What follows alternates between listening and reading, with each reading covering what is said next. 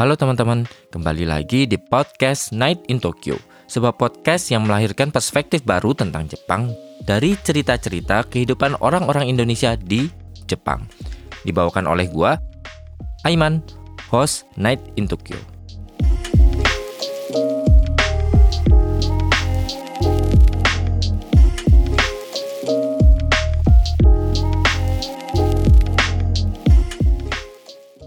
Halo teman-teman, kembali lagi dengan gua Iman di Night in Tokyo. Gimana teman-teman kabarnya semingguan ini? Semoga teman-teman tetap sehat, tetap baik-baik aja, tetap lancar semuanya, kerjaan, eh, rezekinya juga, studinya juga. Untuk episode kali ini teman-teman, ini episode sangat spesial. Karena gua kedatangan bukan satu orang, bukan dua orang, tapi tiga orang. Jadi di sini ada siapa ya Patan, Emmanuel dan Bang Toru. Yeay, yeay, yeay, yeay, yeay, yeay. Nah, jadi ceritanya ini ini ada trio Batak di sini. Eh, mereka ini member Sinto semua. Eh, sekali ada eh, Emmanuel pernah datang dua kali ya, dua kali pernah datang dua kali di sini. Eh, tapi yang dua nih masih ini kita perlu kenalan dulu nih. Jadi eh, mungkin bisa cerita dulu sebelum kita ngobrol lanjut ke nanti kita ngobrolin tentang Batak, tentang Jepang dan lain-lain. Eh, perkenalan dulu mungkin eh, backgroundnya dari mana, asal, sekolah dan lain-lain. Ya, Hajimemashite. Wih. ya, Horas. Eh, perkenalkan namaku Hendrik Lumanturuan, dipanggil Toru. Eh, asal dari Sumatera Utara. Lebih tepatnya di tengah Danau Toba, Samosir. Kalau pernah dengar. Kalau nggak pernah dengar, Google dulu bentar. Eh, ke Jepang itu 2012 untuk kuliah. Sekarang jadi eh, budak korporat. Oh berarti kuliah di Jepang? Ya, kuliah di Jepang. Di? Di Densudai namanya. Oh Densu. Benkitsu Shindaigaku. Ah, universitas elit lah di Jepang. S1 berarti 4 tahun. S1 sampai S2. Oh, oh udah S2 ya? Iya. S2. Dibiayain sama pemerintah Jepang. Beasiswa Mombu, Monbu. Oh, anak Mombu. Jadi di sini Iya. ada anak Mombu, teman-teman. Iya. Banyak banget ya datang sini mau anak Mombu. Oh, berarti kenal Guinness dan. Iya, itu Kohaiku. Ya, ya. Terus Fatan? Halo teman-teman, nama saya Fathan Abdillah Iskandar Muda Karo Karo. Bi- Biasa dipanggil eh, Fatan karena Fathan sulit bilangnya. Asal dari eh, kota asal dari Medan, kota Medan, Sumatera Utara. Di kotanya ya, saya jadi orang kota gitu. Kemudian saya pindah ke kota lagi, kota Tokyo. Itu 2017 setelah tamat SMA. Awalnya saya eh, ke sini Nihongo Gakko atau sekolah bahasa Jepang dengan biaya sendiri. Oke, Nanti Oh. kita cerita. Lanjut. Se- eh, setelah sekolah bahasa habis itu eh, Semongako 2 tahun dan sekarang sudah kerja juga di perusahaan Jepang. Oh. Oke, Sakaijin semua berarti. Iya. Nah, Emmanuel ah, Emmanuel udah pernah ke sini. Mungkin cerita sedikit deh. Mungkin teman-teman kalau mau dengerin cerita lengkapnya bisa cari itu di bawah-bawah. Iya, oke eh, minuman keras, duh. Bukan ya itu punchline-nya orang ya.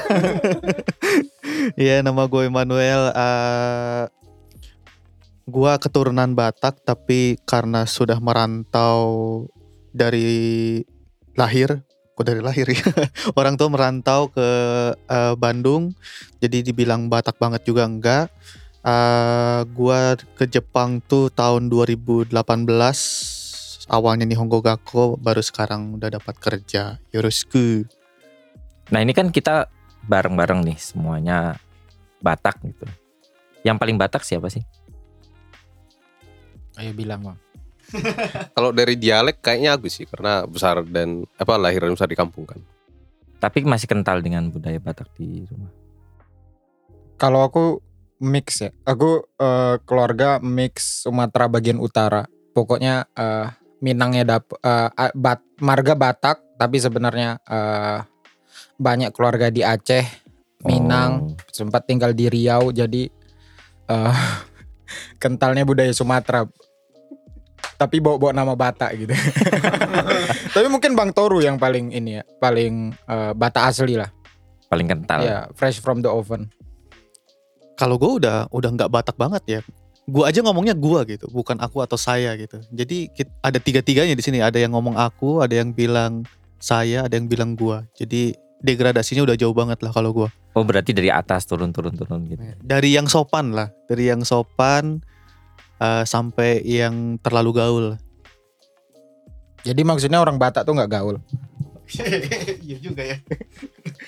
Nah se- sebenarnya kalian itu datang ke Jepang sendiri nih. Itu apa sih yang memotivasi kenapa kenapa milihnya Jepang terus kenapa akhirnya datang ke Jepang gitu? Oh, kalau aku karena Mombu kan ada tadi. beasiswa itu. Kalau nggak ada, nggak sanggup lah orang tua aku. Orang tua kan kismin. Enggak mas eh, dari Apakah dari kecil itu udah suka Jepang atau emang udah niat banget pengen ke Jepang atau Oh, kalau ditanya orang Jepang biasanya aku jawab gitu karena pas kecil sering nonton Doraemon, oh. pengen ke Jepang. Tapi kalau jawaban jawaban jujurnya ya karena beasiswa tadi sih. Oh emang sengaja eh, milih banyak beasiswa kebetulan dapat Jepang gitu. Nah, itu dia. Oh gitu. Jadi di Medan yang apa yang ada ujian beasiswanya cuma ke Jepang doang. Seandainya Oh. ada beasiswa ke yang lain mungkin aku akan pilih ke Jepang. Kalau ke Nepal Kalau ke Nepal mungkin ke Sri Lankanya sih. bangkrut dong. Eh, kalau aku ini setiap eh kok aku ya? Kalau saya setiap ya gimmick. setiap dapat pertanyaan ini biasa jawabannya beda-beda terus ya. Semua mengalami, semua.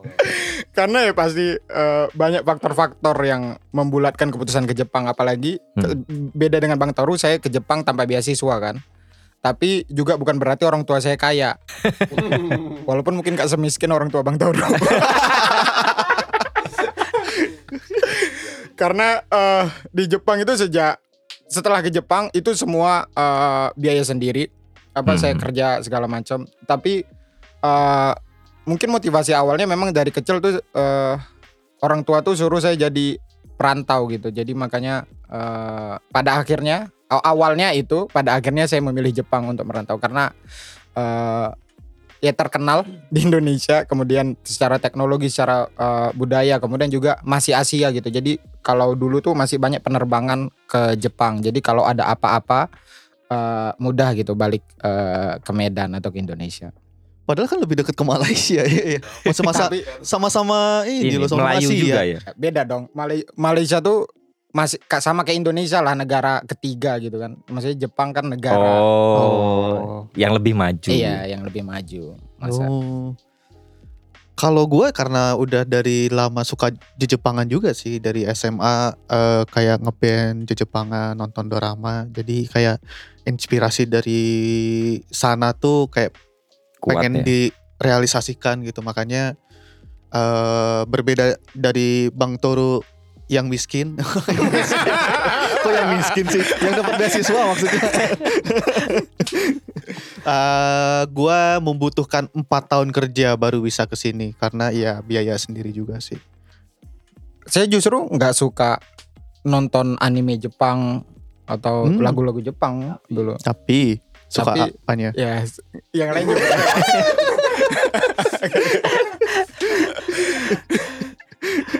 Beresin dong kalimatnya. Enggak, enggak, bener. Terputus. Saya Apa? Saya nggak tahu maksudnya apa ini. Suka apanya? apanya coba? saya, saya suka suka Jepang eh, sebagai negara maju aja. Oh.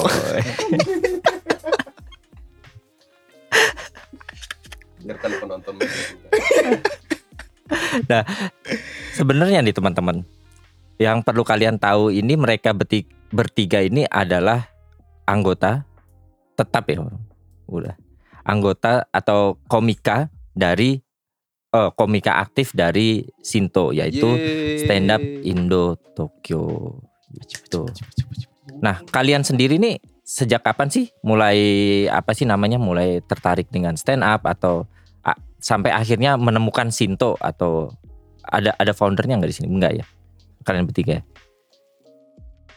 Oh, tertarik ke stand up-nya dulu atau Sintonya? Eh, stand up-nya dulu. Oh, kalau aku boleh. stand up eh gimana ya? Aku orang Batak tapi nggak bisa nyanyi sebenarnya. Jadi Oh. pengen pengen manggung tapi nggak bisa nyanyi. Akhirnya nyari sesuatu yang bisa manggung walaupun nggak nyanyi. Akhirnya nemu stand up ini. kenalnya sendiri? Kenal sendiri di Suci 2 waktu itu. Oh, tahun Waktu- berapa itu? Udah lama banget. Iya waktu Boris Bokir. Cuma ngomongin tentang mamanya gimana Kok bisa lucu gitu tertarik. Kayaknya ada kemiripan Kayaknya aku bisa lebih lucu gitu. Dari, si- Mamanya Bang Toru lebih lucu. dari situ tertarik. Oh ternyata bisa juga ya. Manggung walaupun gak nyanyi gitu. Hmm. Dari situ mikirnya. Akhirnya belajar belajar belajar. Akhirnya Tapi selama di Indonesia nggak pernah Kepikiran untuk stand up Nah tiba ke Jepang Ternyata makin ke sini ada yang buka bikin komunitas Shinto ini. Tahu dari ICJ waktu itu. Daniel pasti itu. Dan. Bukan. Ya, pokoknya Lucky, Lucky. Lucky, Oh, Lucky, Lucky. Dia nyari orang. Siapa sih di sini yang bisa uh, pengen bikin komunitas stand up? Dia bikin gitu. Lah. Oh, pertama ini ada dia posting di ICJ, terus ada teman kampusku tahu kalau aku itu suka stand up. Hmm. dikenalin postingan ada loh ternyata di CJ terus aku cek-cek DM Instagram bayar nggak? gitu. Enggak gitu ya bayar itu itu paling penting itu paling penting. Kalau bayar mungkin aku nggak datang. Nah datang lah. Terus pas datang nonton si Fatan nanya WA aku kalau Mas tertarik nextnya tampil aja gitu. Tapi waktu itu bukan aku yang WA dia.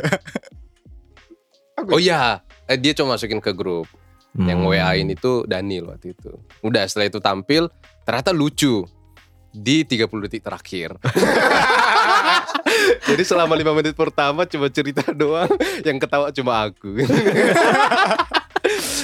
Ya kira-kira gitulah masuknya ke Sinto dan makin ke sini apa ternyata nyaman di situ ya aktif dan dar dar dar lah. Gitu kira-kira. Kalau aku eh kalau saya ya Gimik lagi. gara-gara kebawa Bang Toru nih. Kalau saya dari jujur ya sama kayak Bang Toru juga, saya tuh nggak bisa nyanyi. Mau nyoba nih nyanyi. Tapi saya suka manggung. Jadi memang dari dulu eh saya, saya nonton stand up juga. Tapi ya dari suci suci suci tiga ya mungkin kalau jadi setahun setelah Bang Toru. Tapi eh nggak nggak ada perhatian khusus gitu. Jadi kayak hiburan aja dengerin stand up. Tapi saya dari dulu suka eh, pidato atau apa Oh. di sekolah dari SMP SMA bahkan dari SD itu saya eh, sering pidato gitu. Sampai eh, pernah awal-awal ke Jepang itu saya ada ikut Toastmaster. Tahu Toastmaster Toastmaster itu eh, apa ya Main gambar dong. Oh. Toastmaster itu organisasi apa ya komunitas besar yang untuk latihan eh, speech bahasa Oh, public Inggris Oh, public bahasa speaking Inggris gitu. ya public speaking gitu jadi eh, saya suka public speaking nah waktu itu eh, jadi di public di Toastmaster itu ada eh, kita latihan untuk masukin materi-materi eh, jokes lucu Oh. di dalam public speaking kita tapi bukan stand up comedy nah ternyata setelah itu tapi Toastmaster itu bayar. Setelah itu eh, di Desember 2020 kan ya kita juga waktu lagi punya pandemi dan juga lagi nggak banyak kegiatan. Habis itu eh, si Lucky saya udah temenan sama Lucky sebelumnya dan dia ngajak ke eh, Apatonya untuk lihat dia stand up Ya, Oh, sebagai yang teman- Sinto pertama ya. Iya, enggak sebelum Sinto Oh, sebelum terjadi, Sinto iya. malah. Ya, sebagai teman saya support Sebagai Iya. teman. Kayak terpaksa banget ya. saya datang ternyata dia eh, berencana buat eh, stand eh, komunitas stand up di Tokyo bahkan dia udah nyiapin namanya Sinto gitu Hmm. nah pada akhirnya ya udah eh, siapa aja yang ada waktu itu lima orang awalnya saya Mas Luki Ian Daniel sama Ralfi ya kan yang paling master kemudian nah sebenarnya waktu itu jadi gimmicknya adalah saya itu serius memang serius eh, dan pakai jas di eh, open mic pertama Iya iya. Oh, kayaknya ke bawah sampai sekarang nih. Eh, sampai yang Iya, itu Sintobi itu ya. Eh, saya gimmick itu sebenarnya. Jadi dan sebelum naik saya itu menciut gitu. Ah, udahlah aku nggak usah tampil gitu. Saya nggak usah tampil gitu yang Oh lain. itu pertama ya. Iya pertama. Habis itu saya itu sebenarnya dapat urutan keempat kalau nggak salah. Nah Ralfi ketiga. Setelah Ralfi tampil, saya akhirnya tampil. Dan ternyata lucu. Kenapa? Bener. Kenapa? Iya karena waktu lihat dia, ah gini dong saya bicara doang lebih lucu gitu kan. Dan ternyata ya kena. Makanya akhirnya saya ya udah kita lanjutin terus. Alhamdulillah eh, berkembang eh, ke Sintobi kemudian sampai nanti ada spesial. Hmm. Kalau gua karena gua suka manggung, Kayaknya orang Batak suka manggung ya semuanya. enggak sih dari dari SMA eh gue suka ikutan drama-drama gitu. Kalau ada pensi, kalau ada kalau yang tiap tahun tuh apa ya? Bu- bukan pensi. Yang dia cuma internal tuh kayak bulan di, di kalian ada bulan bahasa nggak sih kayak semacam gitu? Kayak Ada, ada. pertandingan antar kelas Kelas meeting. eh, misalnya kalau kelas meeting itu kan olahraga. Kalau ini lebih ke kesenian. Entah itu drama, entah itu bikin Oh, pantun kayak gitu. Pidato gitu mungkin. Pidato Hmm. kayak gitu gitu. Nah, gua selalu ngisi drama. Gitu sel- selalu ngisi drama walaupun bukan eh, drama yang eh, lucu-lucu lebih ke kayak drama kolosal entah itu maling kundang gitu-gitu Ada lah. naga-naganya ya. Hmm, nggak ada. nah, dari situ sering ke, eh, naik panggung, kuliah pun sering juga naik panggung kayak entah itu jadi MC atau Hmm. bawa acara apa gitu. Nah, pas eh, kerja sama sekali enggak. Jadi benar-benar kayak kerja ya kerja gitu nggak pernah ngomong di depan orang kecuali ya kalau misalnya ngomong kayak presentasi kayak gitu. Hmm. Dari situ kayak public speakingnya udah luntur gitu kayak Oh padahal punya skill gitu ya. dibilang punya skill lebih ke eh, waktu belum sebelum masuk Sinto tuh belibet kalau ngomong. Jadi kayak udah tahu apa yang mau diomongin tapi nggak keluar atau gugup gitu. Nah, eh pas mau sebelum join Sinto eh, kalau gue lebih eh, ngikutin stand up komedinya dari mungkin dari season 5-an gitu. Paling banyak season eh, 7 kayaknya. 7 ngikutin semua pas zaman-zaman Bang Ridwan Remin. Nah dari situ jadi penikmat lah, bener-bener penikmat karena Hmm. eh, di Jepang juga waktu itu nggak ada teman, waduh, nggak ada teman, jadinya eh, nonton stand up terus tuh di YouTube. Nah adalah yang postingan yang di ICJ nonton waktu itu di open mic keempat di Akiba masih masih Akiba. Kayaknya ya lu tampil pertama di situ tampil pertama. Nah, gua ngikutin situ eh dua open mic gua nonton, selanjutnya kayak ah kayaknya di sini bisa deh eh, balikin public speakingnya gitu. Hmm. Tapi lucunya ya udahlah gimana nanti gitu. Jadi ya akhirnya gua coba-coba tampil. Ya lumayan lah ada balik lagi eh, keberanian untuk ngomong di depan gitu. Jadi ya sampai sekarang lah. Hmm. Itu kan kalian kayak apa ya namanya? Punya background masing-masing gitu.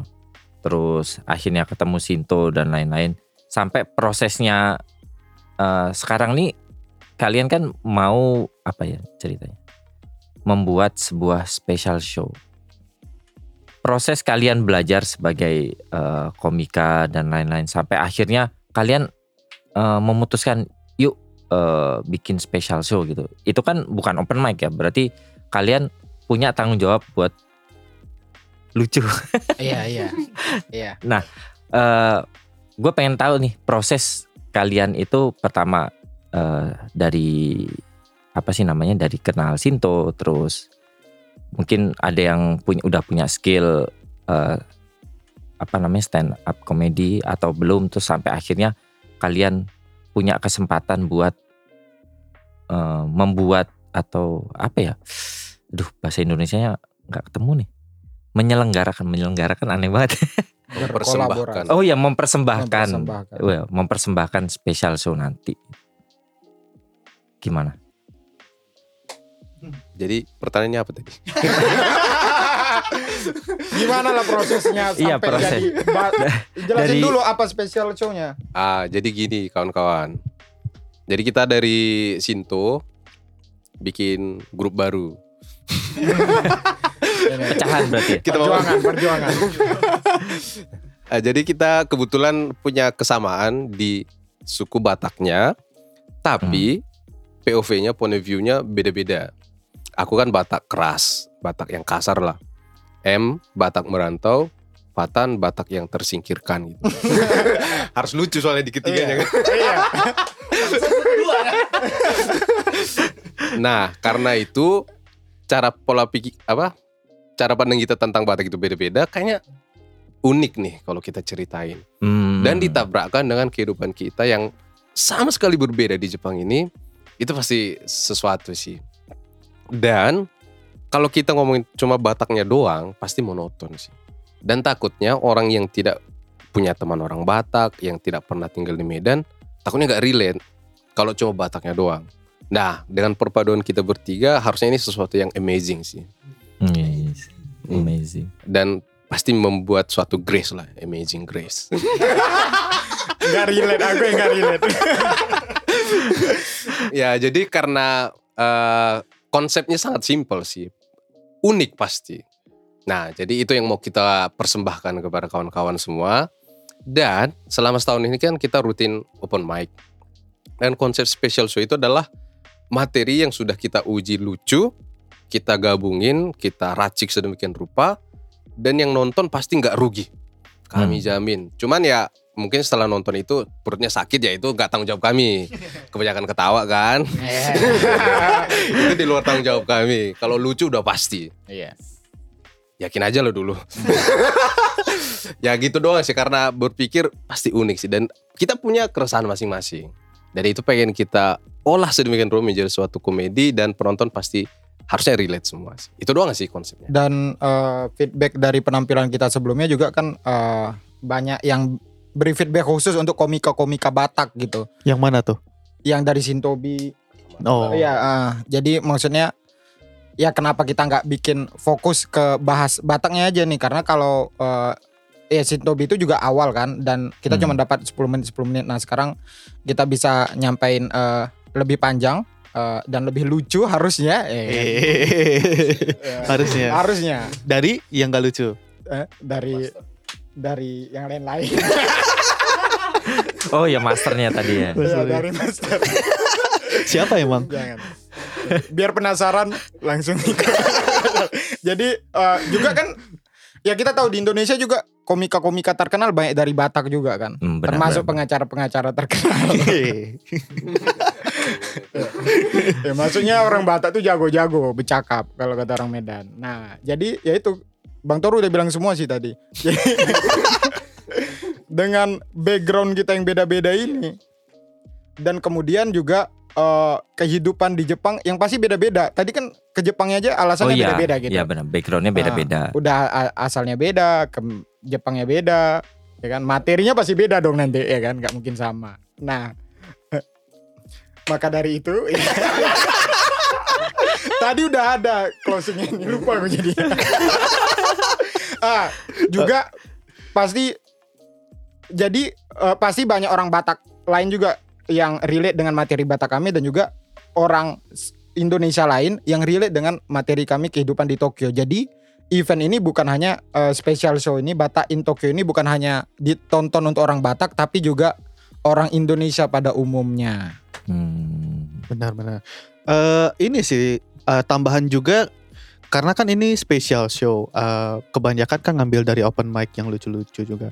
Tapi sebenarnya istilahnya di belakang kami punya materi yang belum pernah kami bawain ke open mic juga. Jadi eh, biar membawa eh, sesuatu yang baru buat penonton setia open mic ya. Takutnya kan karena setiap eh, minggu nonton udah dengar semua gitu. ya hafal sama materinya kan jadi kurang eh, apa kur- kurang ger lah istilahnya kayak gitu. Dan mungkin juga eh, nantinya banyak dari materi kami yang udah pernah dibawakan di open mic mungkin bisa beda eh, cara pembawaannya sama ngeluarin gimana cara lucunya.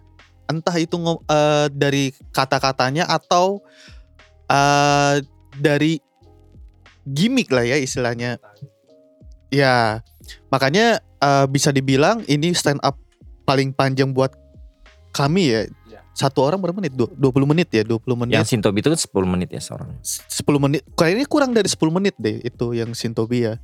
Dan itu eh, kalau Sintobi kan cakupannya terlalu general gitu.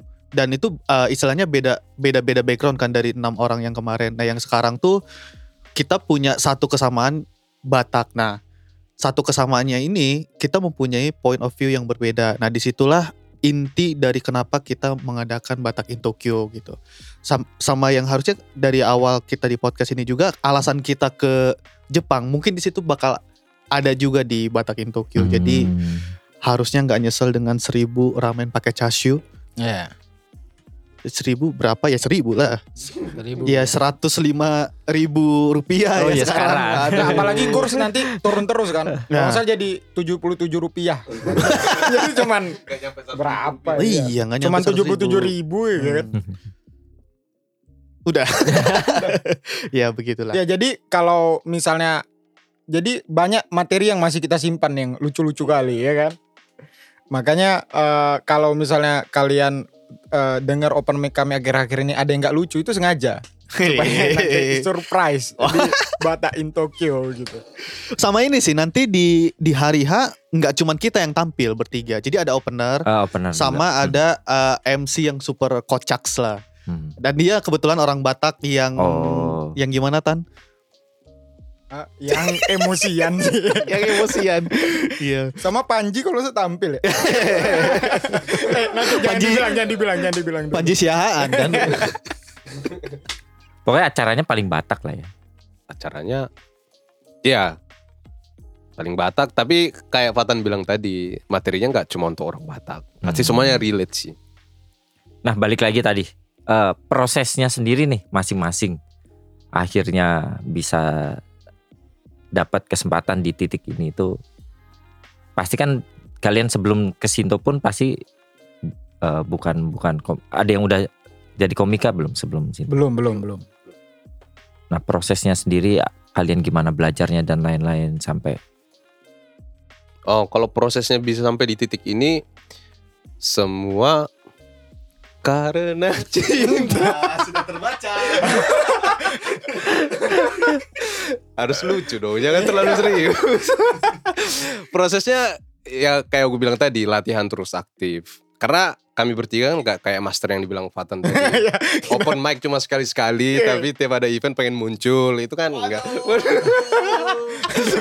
Ini gak relate penonton. Nanti tolong tampilin fotonya di sini. tapi tahu sih tahu. Kan pernah juga bintang tamu di podcast ini kan.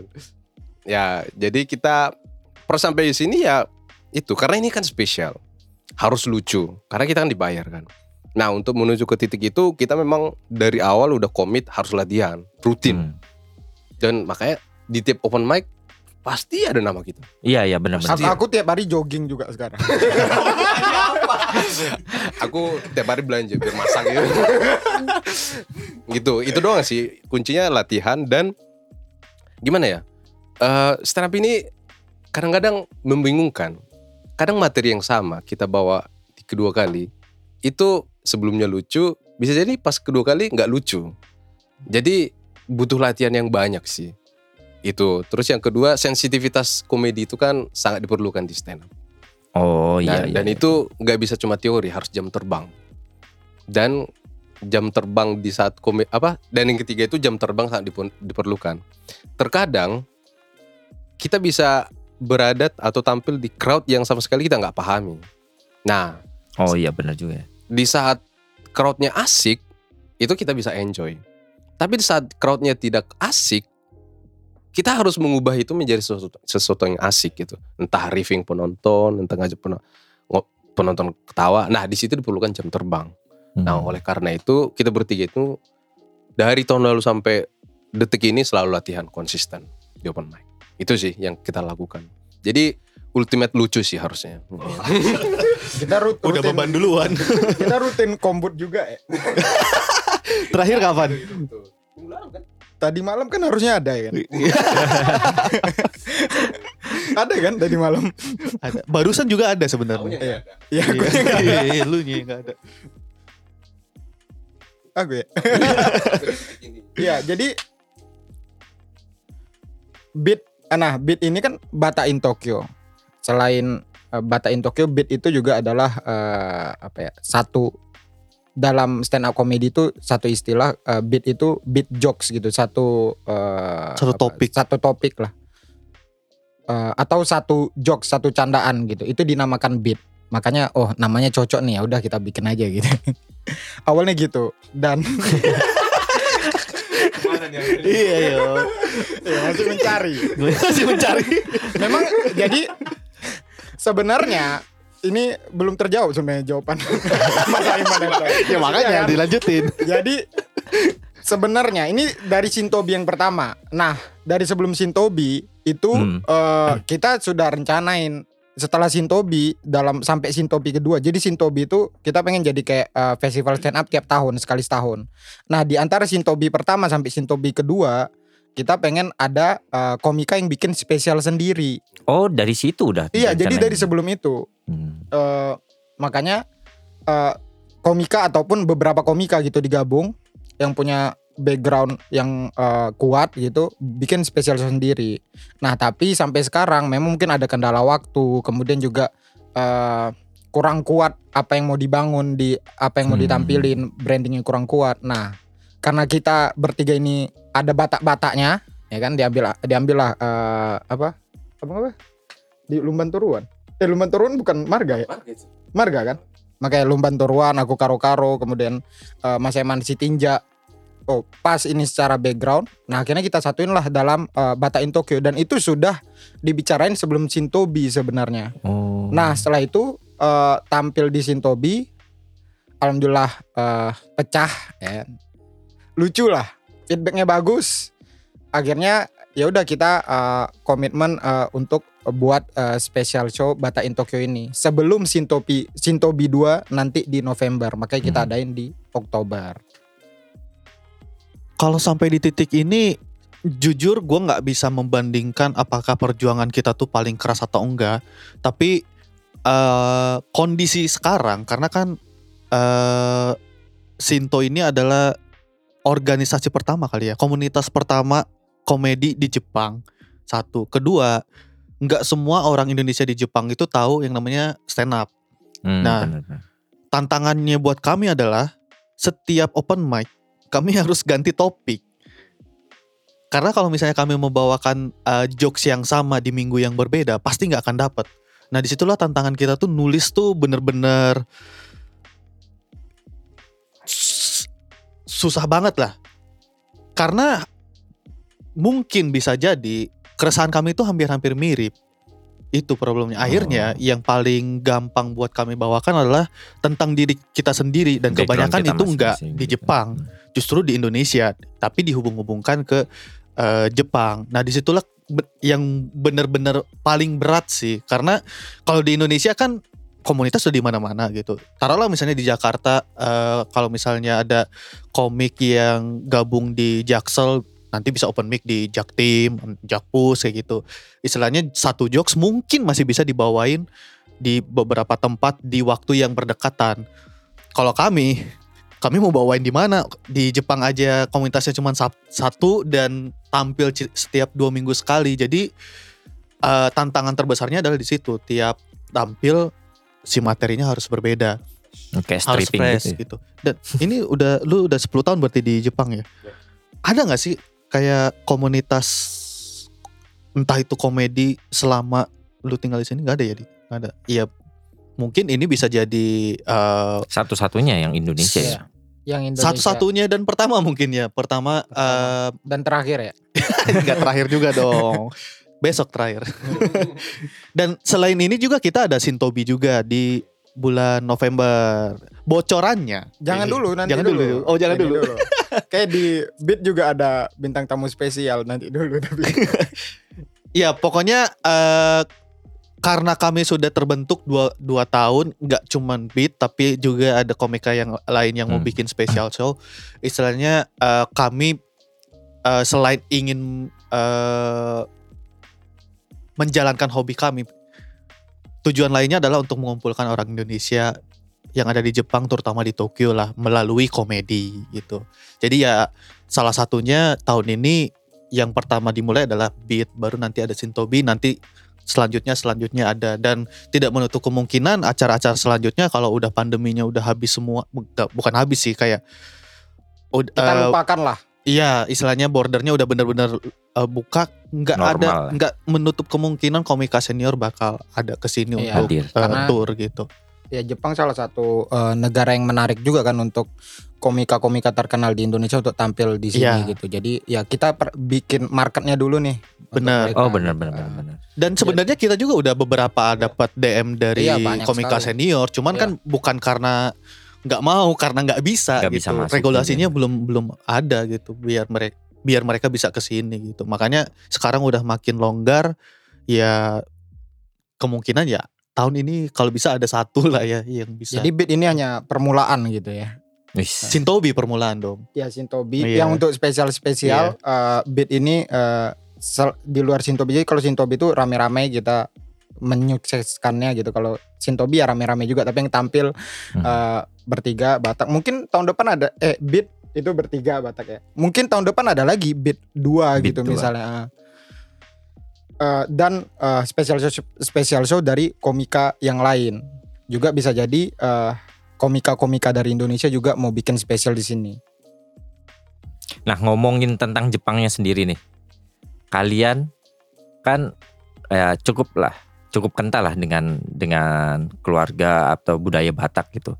Sebagai orang yang eh, hidup dan besar di budaya Batak, ketika datang ke Jepang, ada nggak sih hal-hal yang eh, bikin heran atau shock gitu tentang Jepang? Gitu? Kalau dilihat dari sisi ada atau sudut pandang orang Batak sendiri. Ada. Kalau dari aku, karena aku kuliah di universitas di Hmm. Jepang, jadi banyak teman orang Jepang. Salah satu perbedaan orang Jepang dan orang Batak contohnya ya. Orang Batak itu kan kekeluargaan sangat kuat ya. Ya ya ya ya. Cuma gara-gara satu marga aja bisa dibantu sampai gimana pun gitu. Di sisi lain orang Jepang ternyata kekeluargaan itu sangat tipis gitu. Aku pernah main ke rumah kawan orang Jepang. Dia manggil ma- ibunya, mamanya, panggilan nama loh. Dan kata sang.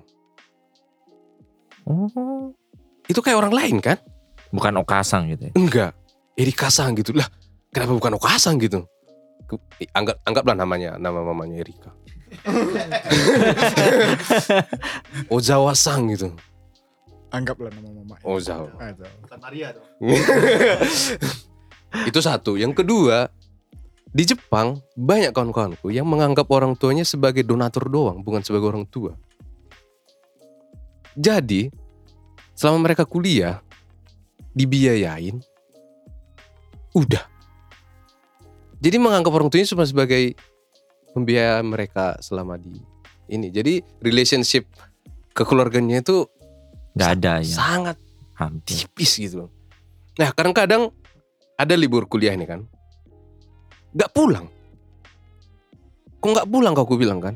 Ngapain? Lah nggak kangen sama orang tua yang bilang. Ah bisa aku video call kata. Lah kok gitu gitu. Aku kalau libur pulang Pasti ya. ongkos. Ab- Abang video call orang tua seminggu berapa kali? Sering. Sebulan sekali lah. Sama aja ya. Udah terlalu Jepang. Mungkin lebih tepat kayak gini kan. Apa feel-nya ya? Iya. Feel kangennya dengan keluarga itu sama sekali. kalau mereka itu kayak individu yang berbeda Iya. yang hidup ya Setelah, di hidupan ke sendiri masing-masing setelah gitu. 18 Iya. tahun lepas gitu. Iya, iya. Iya, agak kayak bule juga sih sebenarnya. betul. Jadi biaya kuliah dari orang tua, tapi biaya jajan segala macam aruba itu jadinya. Hmm. Ih, kayak nggak pas lah, agak lain lah pikirku. Mungkin yang aneh karena Jepang itu masih masih Asia kan. Harusnya iya, harusnya masih kuat dong. harusnya kayak gitu. Iya. Rupanya Jepang itu Udah kayak- adalah mungkin satu-satunya negara Asia yang Paling barat kali. Iya, udah kayak Gimana? individual kali sih. Hmm. Iya iya. Gitu sih. Pas wisuda. Kita pas wisuda orang tua sangat bangga dong. datang Anak semuanya. datang. Kalau bisa seom-omnya. Iya pakai kebaya setelah wisuda makan bareng gitu. Foto pulang. Itu pun pas foto berjarak loh. Nggak dirangkul. kaku gitu ya. Iya, kaku. mungkin. itu sih sangat kok beda ya gitu. Itu aja sih. Nah, waktu wisuda eh, berapa orang datang ke Jepang? Rencananya semua. Cuman kebetulan bapakku lagi kurang fit waktu itu. Jadi yang datang cuma mama dan adekku. Harusnya datang semua. Tiket udah kubukin untuk mereka berdua. Udah bayar nggak? Udah tahun lalu. gitu sih keluarganya sangat beda sih sama orang Batak. Itu aja sih sangat kontras menurutku ya. Kalau saya mungkin dari sudut pandang eh, anak Medan ya, orang yang tinggal di kota Medan. Kita itu kan Medan tuh istilahnya apa ya? Riba sude gitu. Apa aja di di riba itu apa istilahnya? Dihantam Hantam. lah. Pokoknya diterobos apa aja. Wah, tentu sangat beda banget dengan Tokyo, ya kan? Kota yang rapi, bersih. Orang pat nggak ada orang pun orang nunggu lampu merah ya kan. Kalau di Medan ada polisi pun orang nerobos lampu merah gitu. Bahkan kemarin aku sebenarnya ada eh, saya bawa bos ke Indonesia orang Jepang. Dia di dalam mobil di jalan eh, di jalanan Medan aja dia terkejut-kejut gitu. Tiba-tiba ada angkot dari kanan, tiba-tiba ibu-ibu nerobos dari kiri, Naik motor. naik gitu. motor ya. Jadi memang beda ba- beda kali lah eh, Medan sama Tokyo gitu. Ya tapi walaupun aku waktu balik ke Medan ya udah terbiasa juga ya kan kangen juga dengan kekeosan di Medan. Tapi eh, jadi mungkin ya sudut pandang itu juga ada se- sebagai anak Medan. Tapi ini tambahan satu hal eh, kayak tadi menyinggung apa yang Bang Toro bilang. Menurut saya itu ada satu hal eh, privilege sebagai orang Medan atau orang Batak. Yaitu ketika di luar negeri kayak gini, biasanya banyak orang-orang penting gitu, orang-orang kunci itu orang-orang Batak. Dan mereka kalau tahu kita sesama orang Batak, orang Medan itu bantu banget pasti. Hmm. Jadi semiskin orang Batak itu semiskin apa pun, kalau di orang Batak itu bisa banyak dapat bantuan dari sesama orang Batak di tanah rantau gitu. Kalau gua ngomongin ke Bataknya mungkin nggak bisa ngebedain ya karena kan eh, dari dari lahir pun gue tinggalnya nggak di tanah Batak gitu. Tapi mungkin lebih ke perbedaan dengan negara Indonesianya. Ya tadi udah disebutin semua, entah itu teratur, entah itu bersih gitu. Tapi jujur ada yang berhubungan dengan kata Batak ini yang menyebabkan gua ke sini sebenarnya. Dan ini mungkin mungkin bakal gue bawain di beat nanti, yaitu eh gua sudah agak eh, kurang setuju dengan eh, pernikahan dengan adat Batak. Bukan karena adatnya, tapi karena biaya yang dikeluarkannya. Dan tekanan tekanan kapan nikah tuh udah gua dapatkan waktu di Indonesia. Dan mungkin di sinilah eh, sifat eh, gua melarikan diri lah dari kenyataan itu. Jadi ada alasan alasan salah satu alasan kenapa gua ke sini adalah menghindari culture eh, itu. culture itu gitu. Jadi ya selengkapnya ada di Batak Into. Nah untuk detailnya sendiri nih eh ngomongin Batak in Tokyo. Itu kapan bakal apa sih namanya bakal diselenggarakan? Kapan bakal diselenggarakan? Dan eh, mungkin teman-teman yang pengen yang lagi di Tokyo mungkin atau bahkan yang lagi di Jepang terus bela-belain ke Tokyo pengen nonton itu cari informasinya di mana. Ah, em, BIT ini Batak in Tokyo ini akan diselenggarakan tanggal 22 Oktober hari Sabtu di Tokyo Dome. sebelahnya Sebelahnya. sebelah- Y- YMCA Hotel di Suidobashi dekat Jadi di Tokyo Dome hotel ya. Hotel. Di hotel. di hotel. oh hall roomnya berarti ya Ya, aula, aula. Gak mungkin di kamar kan. sempit sempit nah eh, untuk tiketnya kita mengadakan pre-sale sampai akhir bulan ini cuma seribu rupiah eh seribu yen seribu rupiah Seribu yen. seribu yen dan eh, info lengkapnya kita sudah cantumin di eh, IG eh, Instagram account official kita di stand up Indo underscore Tokyo. Silakan dicek di sana. Itu linknya Dan linknya bisa dicek juga di ada li- ada linknya juga di Instagram. apa Jo? Bacain bang. Em, tapi kalau mau langsung di Gak ada sih. Gak ada. Ini yang lama. Bitly eh, slash BIT. Pas gak sih? Pokoknya cek cek aja dulu di stand up Insta- Indo Tokyo. Instagram kita lengkap kok sih. Ya itu pokoknya teman-teman mungkin teman-teman yang tertarik buat nonton bisa cek lah semuanya ada di eh, Instagram stand up Indo Tokyo atau Sinto. Buat penutup nih terakhir eh, apa ya? eh, apa yang bisa kalian eh, apa ya namanya? Gua ke sini-sini bahasa Indonesia gue makin makin ini. Eh, apa yang bisa membuat eh, gimana cara lu meyakinkan lah ke pendengar kalau ini acara bakal seru banget dari masing-masing. Apa Oh. yang pengen kalian sampaikan atau apa pes- bukan pesan sih, lebih tepatnya satu statement lah. Oh iya gitu deh. satu statement yang bisa eh, menyimpulkan bahwa ini kalian harus nonton. Ya, sebenarnya ada banyak alasan yang wajib membuat kalian wajib untuk datang. Cuman aku rangkum lah sampai tiga ya. Nomor dua bikin bingung. yang pertama, ini bukan special show pertama kita. Ini yang kedua. Jadi harusnya lebih baik dari yang pertama. Terus Benar, alasan benar, kedua, pas special show pertama pun di Sintobi, yang paling pecah itu kita bertiga.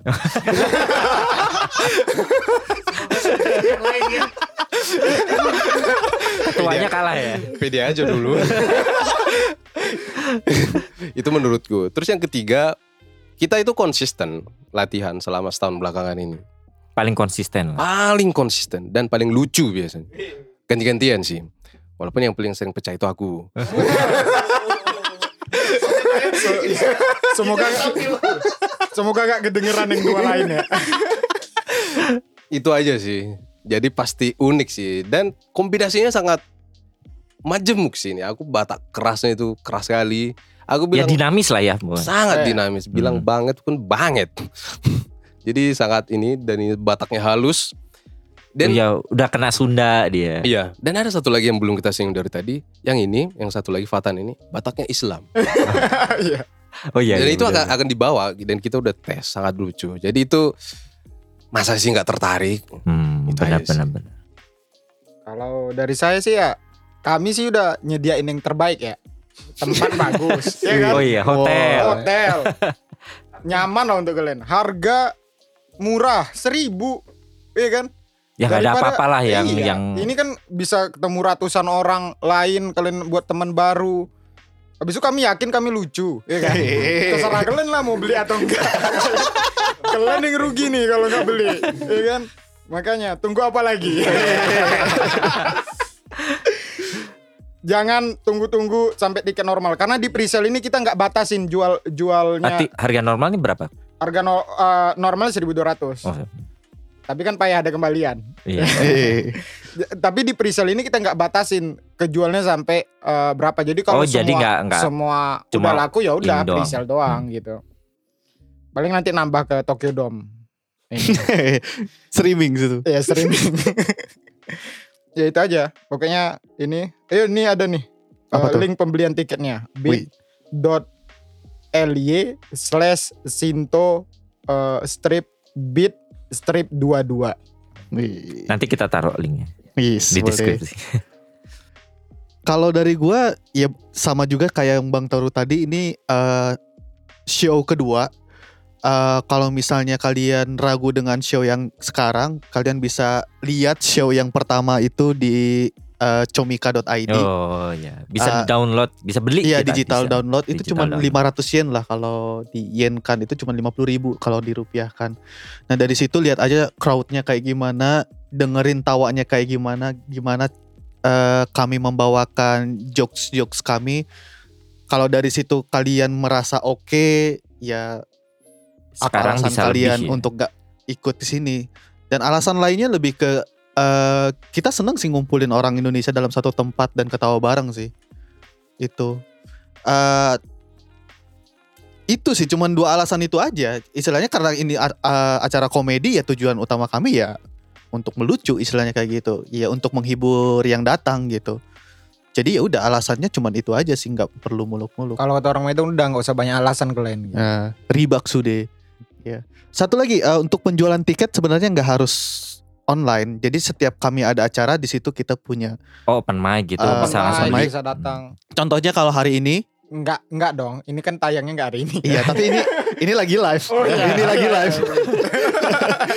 contohnya ya, contohnya ini nggak tahu kapan ini bakal diupload. Eh, hari ini kita ada tampil di Payu Kop- Kopi di situ kita tampil eh, open mic juga di situ bisa eh, contohnya di situ bisa beli secara offline juga nanti ketemu sama staff kami yang dari sana. Gitu-gitu. Ya pokoknya itulah teman-teman eh semua tentang Batak, tentang Sinto dan nanti acara special show yaitu Beat Batak in Tokyo. Jadi teman-teman eh, kalau tertarik udah pasti tertarik dong. Apalagi teman-teman yang tinggal di daerah Tokyo ya.